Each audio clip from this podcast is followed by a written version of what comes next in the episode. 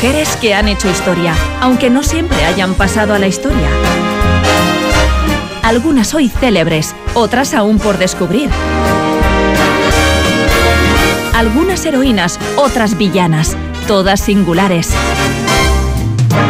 Es tiempo de hacer visible lo invisible. Es tiempo de vivir para contarlas. Hace unos días eh, cumplían 99 años de la muerte de Elizabeth Jane Ram, más conocida, aunque no lo suficiente, como Nellie Bly. Nacida en una pequeña ciudad de Pensilvania, el 5 de mayo de 1864, ya les avanzada que fue la primera periodista de investigación y absoluta pionera del periodismo encubierto. Fue activista por la igualdad y una consumada aventurera que dio la vuelta al mundo, atención, en 72 días. Edurne Vaz, ¿qué tal? Bueno, no solo tiene esos méritos, como añadido hay que decir también que hizo todo eso en una época que no contemplaba para las mujeres otro papel que no fuera el de esposas y madres. Lo de viajar eh, solas era impensable, como veremos, y por eso y por mucho más, hoy en Vivir para contarlas, Nelly Bly, la mujer que contribuyó a cambiar el mundo escribiendo sobre él.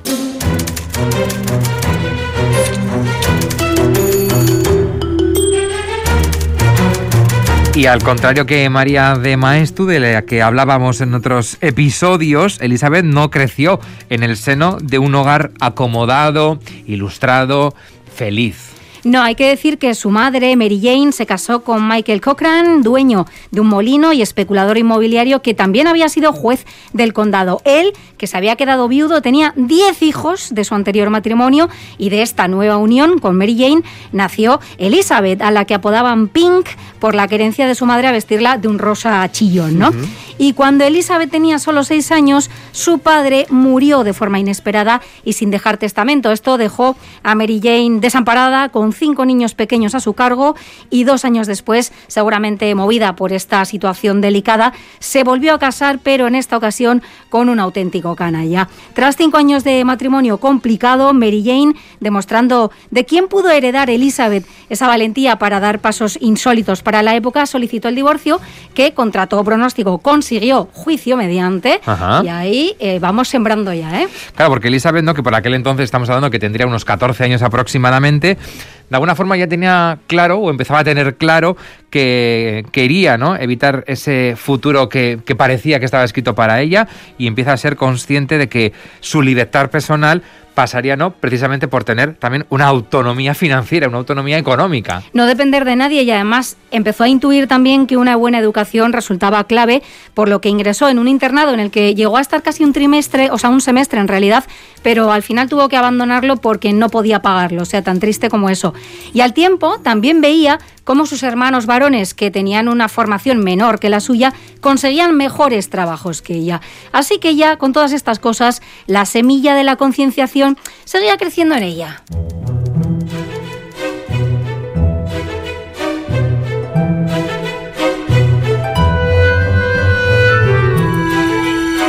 Estamos en un contexto histórico y político algo turbulento, convulso, pero a pesar ¿no? de esos convencionalismos sociales de la época eh, y también de su situación personal, nada de todo esto se lo ponía fácil ¿no? a, a, Pinky, ¿no? Pero ella era una joven curiosa, inquieta? ¿Se puede decir que tenía firmes convicciones? Sí, lo demostró después con creces. Su negativa a permanecer callada ante los asuntos que ella consideraba inaceptables iba a acabar por sentar las bases de su futura trayectoria tanto personal como profesional. El periódico Pittsburgh Dispatch publicó una sexista y misógina columna que llevaba por título ¿Para qué sirven las chicas? y en la que se afirmaba que el trabajo femenino era una aberración y que la única ocupación adecuada para las mujeres eran, como avanzábamos antes, las tareas domésticas además de sugerir, se supone que en broma, que Estados Unidos tendría que acabar siguiendo el ejemplo de China y matar a las niñas recién nacidas. ¿Cómo reacciona ante esta carta ella? Pues eh, como otras muchas lectoras que también se indignaron, este artículo indignó muchísimo a Elizabeth y escribió una carta furiosa al director firmada con el que sería su primer seudónimo, Huerfanita Solidaria, Solitaria, ¿no? Y en esta carta estaba todo tan bien planteado, estaba tan bien escrita que llamó la atención del editor del periódico que propuso a Elizabeth que se sumara a la plantilla de este rotativo. Y fue allí donde iba a estrenar ya el seudónimo con el que vamos a conocerla, Nelly Bly. Y era por una canción popular de Stephen Foster que sonaba así.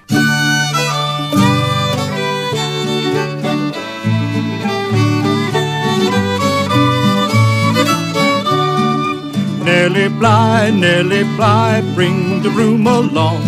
We'll sweep the kitchen clean, my dear, and have a little song.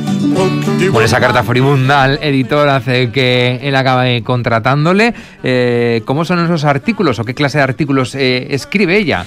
Ella empezó a trabajar y escribió artículos de investigación sobre asuntos de calado, como por ejemplo las terribles condiciones de trabajo de las mujeres en las fábricas o la discriminación por razones de género en las que incurrían las leyes de divorcio de la época, pero fue relegada después a las llamadas páginas de mujeres en las que se abordaban asuntos relacionados con la moda, los peinados, los ecos de sociedad, la jardinería, las recetas de cocina. Esto a Nelly no le iba para nada y no lo consideraba para nada justo. ¿Y qué hacía cuando algo no le parecía justo? Pues Nelly ya empezamos a intuir que cuando algo no le parecía bien lo hacía saber. Era perseverante, y ¿no? Era perseverante y no se callaba nada y actuaba en consecuencia. Y en este caso, con solo 21 años, acompañada por su madre, viajó a México para trabajar como corresponsal cuando ni siquiera conocía el idioma. ¿no? Allí estuvo viviendo medio año y a lo largo de más de 30 artículos que se englobaban en el titular Nelly en México, bueno, pues documentó la vida, las costumbres, la cultura, la política del país, pero no de forma séptica, porque ese no era su estilo. Ella denunció lo que consideró denunciable, la explotación laboral, la corrupción política, en general, asuntos que no suelen gustar en los regímenes dictatoriales, ¿no? Y este era el caso de México con Porfirio Díaz a la cabeza. Entonces, la amenaza muy real de acabar en la cárcel obligó a Nelly adelantar su vuelta a un periódico en el que no se sentía realizada, como veíamos, ¿no? Así que una vez más decidió arriesgar, se trasladó a Nueva York, no sin antes dejar una profética nota a su ya ex jefe en la que, según cuenta la leyenda, se podía leer, estimado Q.O. Me voy a Nueva York, esté atento, Bly.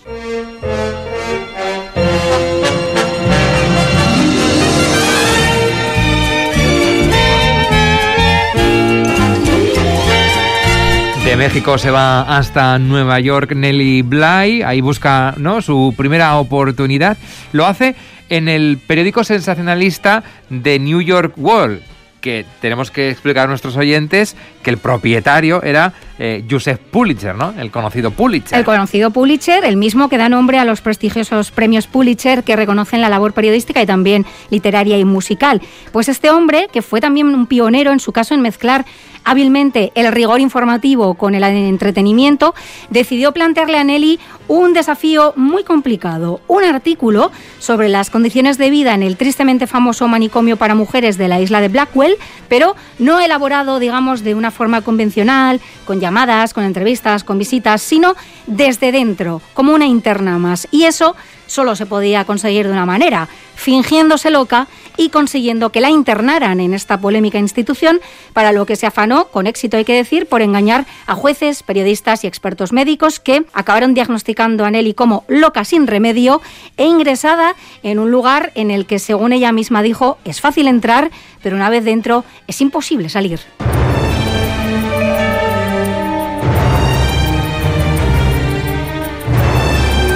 Me recuerda mucho esta historia a la que plantea eh, Torcuato Luca de Tena en Los renglones torcidos de Dios, ¿no? Hay este caso de una detective eh, mujer, Alice Gold, que entra en un internado para conocer cómo es eh, por dentro. En este caso lo hace Nelly Bly durante 10 días, ¿no? Ella sufrió en sus propias carnes las durísimas condiciones de vida de los pacientes.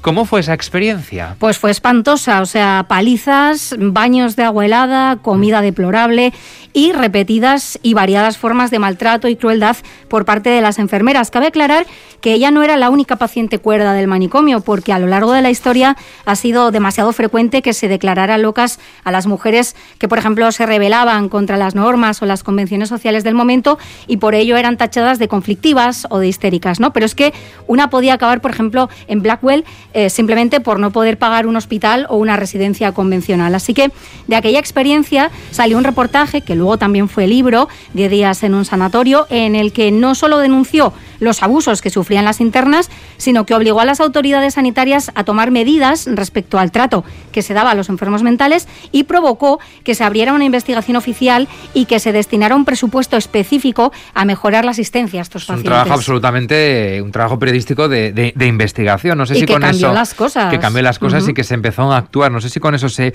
inaugura un nuevo tipo de, periodismo de investigación. No sé si fue una pionera precisamente. Se considera Nelly pionera pues de ese periodismo que también ahora llamamos Gonzo, ¿no? Eh, del periodismo inmersivo eh, que no aspira a esa objetividad a la que supuestamente aspira el periodismo convencional, sino que el periodista también se convierte en parte activa de la noticia y que ofrece al lector eh, una experiencia pues más vivencial, ¿no? Y esta forma de trabajar se convirtió en su especialidad precisamente y en 1888 lanzó en esta ocasión ella al periódico otra propuesta con la que acabaría haciendo también historia y que para toda una generación en la que yo me incluyo acabaría sonando así. Señor Sullivan, no hacen falta tres meses para dar la vuelta al mundo. Le aseguro que puede darse en 80 días. ¿Qué? ¿80 días? Eso es imposible, señor Fogg. Yo creo que no. Les demostraré que puede hacerse. Me comprometo a dar la vuelta al mundo en 80 días. Bien, entonces hagamos una apuesta.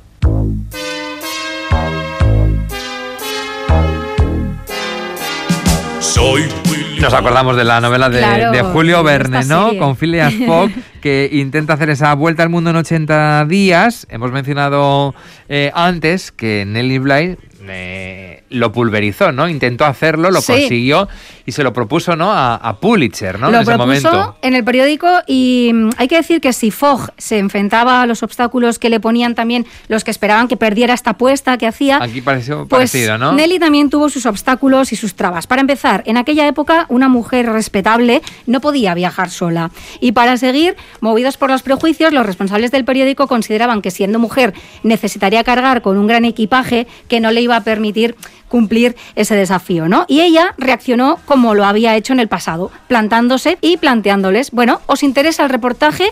Si os parece inapropiado para una mujer, se lo podéis encargar a otro compañero. Pero yo lo voy a hacer igual para este o para otro periódico que pueda estar interesado. persistente, como hemos sí, vosotros veréis.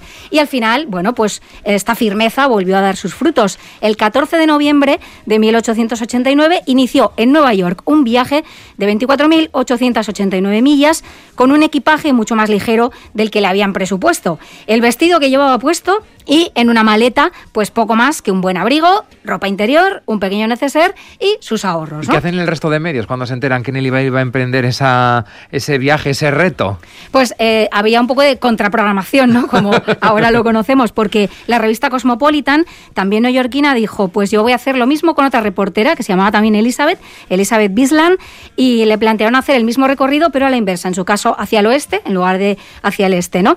Y hacer un seguimiento del periplo de, ambas era complicado. Pensemos que, claro, sin móviles y sin mensajería instantánea ni nada, pues ella iba mandando información de sus progresos con el telégrafo, el correo postal, en fin, medios que tampoco es que fueran... lo que se contaba en el momento, ¿no? Claro, no sé, el no récord de rapidez. No, entonces, bueno, el periódico iba manteniendo viva la llama de todo esto eh, con formas que luego también podremos ver, pero hay que decir que Nelly tuvo un estímulo inesperado y es que en la localidad francesa de Amiens conoció al propio Julio Verne, que le dijo que si conseguía completar la vuelta al mundo en 79 días, él mismo le iba a felicitar públicamente, cosa que por cierto luego hizo enviando un telegrama al periódico. Porque consiguió completar ese viaje en 79 o menos días. En menos. Ella lo hizo en 72 días, 6 horas, 11 minutos y 14 segundos. Y hay que decir que los segundos cuentan porque el periódico se había asegurado de captar al máximo el interés de los lectores planteando, por ejemplo, un concurso que premiaría con un viaje a Europa a quien adivinara con la mayor precisión posible el tiempo total que le iba a costar a Nelly hacer esto, ¿no? Entonces, apuestas. Claro, con los cupones que venían en el propio periódico, podías participar todas las veces que quisieras y bueno, participaron más de medio millón de personas y con esto ya podemos ir haciendo algunas cuentitas de cómo les iban las cosas en el periódico, ¿eh? O sea, esto fue un pelotazo total para total, ellos. ¿no? Para ellos fue un aliciente más, ¿no? Fue un poco como una, publicidad casi, ¿no? Reality show, ¿no? El viaje de Nelly y luego el precio justo, ¿no? A ver quién se ajusta más al tiempo. Y de hecho, en el tramo final de su periplo, que recorrió entre en, uno privado que el propio periódico le puso, se encontró a multitudes de personas animándola en las paradas. Bueno, fue todo un fenómeno social. A los anunciantes de la época, como imaginaréis, se les hacía la boca agua con todo esto y a los responsables del periódico todavía más. Incluso llegaron a publicar en el propio rotativo una especie de juego de la oca inspirado en el viaje de Nelly. O sea, hubo merchandising, hubo de todo, ¿no? Y tras recorrer 35.000 kilómetros a bordo de barcos, trenes o globos, con toda clase de obstáculos pues logísticos, meteorológicos y de todo tipo, el 25 de enero de 1890 llegó a Nueva York y toda la prensa del mundo se hizo eco de esta hazaña. Eso en el caso de Nelly Black, que como decimos, logró completar esa vuelta al mundo en 72 días, pero nos hemos quedado pendientes de qué le ocurre a su compañera de, la revista Cosmopolitan, ¿no? A Elizabeth Eh, ¿Qué pasó con ella? Bueno, ella llegó como cuatro días después, pero bueno, perdió la carrera, pero cuidado, dio la vuelta al mundo también. O sea, no le vamos a quitar méritos a la pobre eh, también Elizabeth, ¿no? Pero bueno, seguía la vida de Nelly.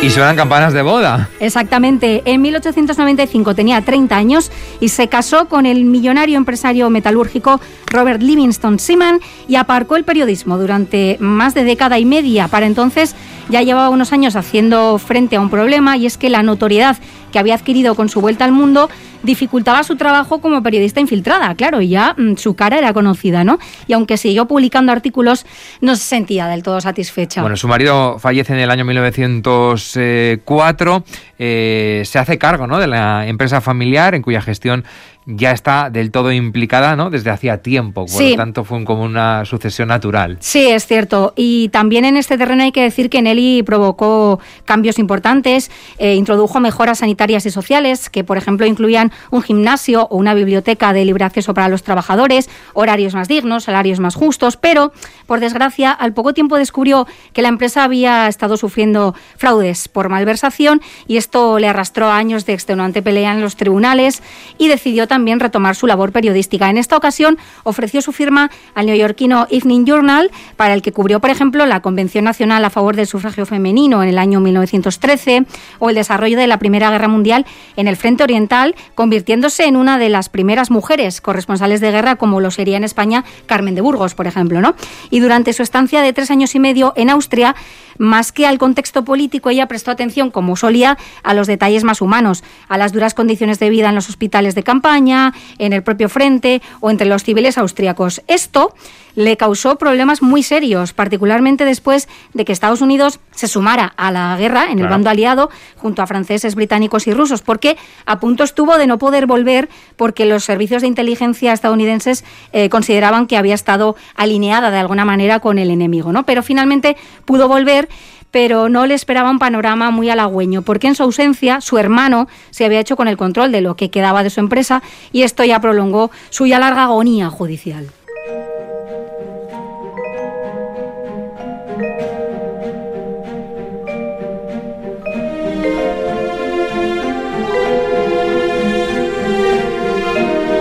Vamos a ir ya finalizando en estos últimos segundos que nos quedan porque terminó su vida prácticamente arruinada, nunca le faltó trabajo eh, como periodista y también me gustaría, eh, bueno, si nos apetece profundizar un poco en la vida de ella, también donde podemos eh, recurrir. Sí, pues bueno, su último trabajo fue una columna de consejos en el New York Evening Journal en la que llegó, bueno, a implicarse muchísimo con esos lectores en lo personal, les ayudó también a muchos de ellos, pero una neumonía se la llevó el 9 de enero de 1922 cuando solo tenía 56 años y nos dejó pues muchísimos trabajos que hasta no hace mm, mucho era difícil conseguir, pero yo os quería recomendar hoy un libro para profundizar en su vida y también en su obra, que es un libro que publicó la editorial Capitán Swing en 2018, que lleva por título La Vuelta al Mundo en 72 días y otros escritos. Ahí podéis encontrar tanto su paso por el manicomio como su vuelta al mundo, como otros muchos escritos de los que hemos mencionado y de los que no hemos mencionado. Así que es un libro muy, muy interesante.